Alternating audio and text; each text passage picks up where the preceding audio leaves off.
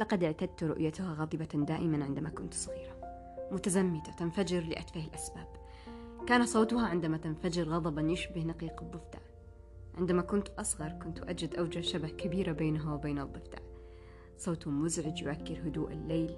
نقيق مستمر كيس ذقني منتفخ على الدوام. استمر هذا التشبيه في خيالي كثيرا حتى دمج في الواقع.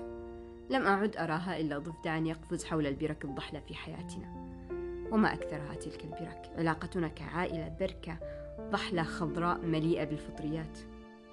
كبرت قليلا وأصبحت أهاجمها بكثرة. لم أعد أطيق أي شيء حولها. بدأت أقنع نفسي بأن أول سبيل العلاج لي هي برفضها حتى لا أصبح مثلها. رفضها علنا وسرا فكرا وجسدا. تعمدت في كثير من الأوقات إيذائها. تعمدت أن أجعلها تبكي. كنت أشعر بقوتي كلما أحسستها بالضعف. يا لفكري المراهق الساذج لم أكن أدرك شيئا. أمي الضفدع. أمي التي ابتلعت كل خيباتها حتى تكون لديها كيسا ذقنيا ينتفخ كلما خاب أملها. أمي التي تبكي كل ليلة كل لحظة خوفا على مشاعري. كل ذكرى عندي لها وجه آخر في ذاكرتها. نسخة حزينة سوداوية تملكها عن كل ذكرياتي.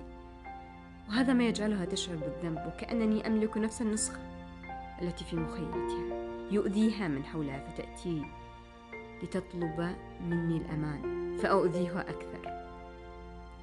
أمي محبوسة في دوامة ذنب وتكفير لا تنتهي. كل هذا عرفته عندما أصبحت أنا الأم الضفدع. كل إرادتي في العيش عكس حياة أمي هو فخ يجرني لتكرار حياة أمي بالضبط.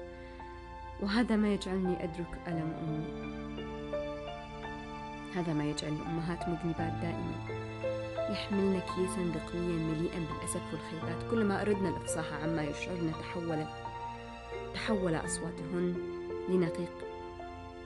في التفكير بالأمر الآن وفي هذا العمر أدرك أن حياتي مع أمي لم تكن سيئة.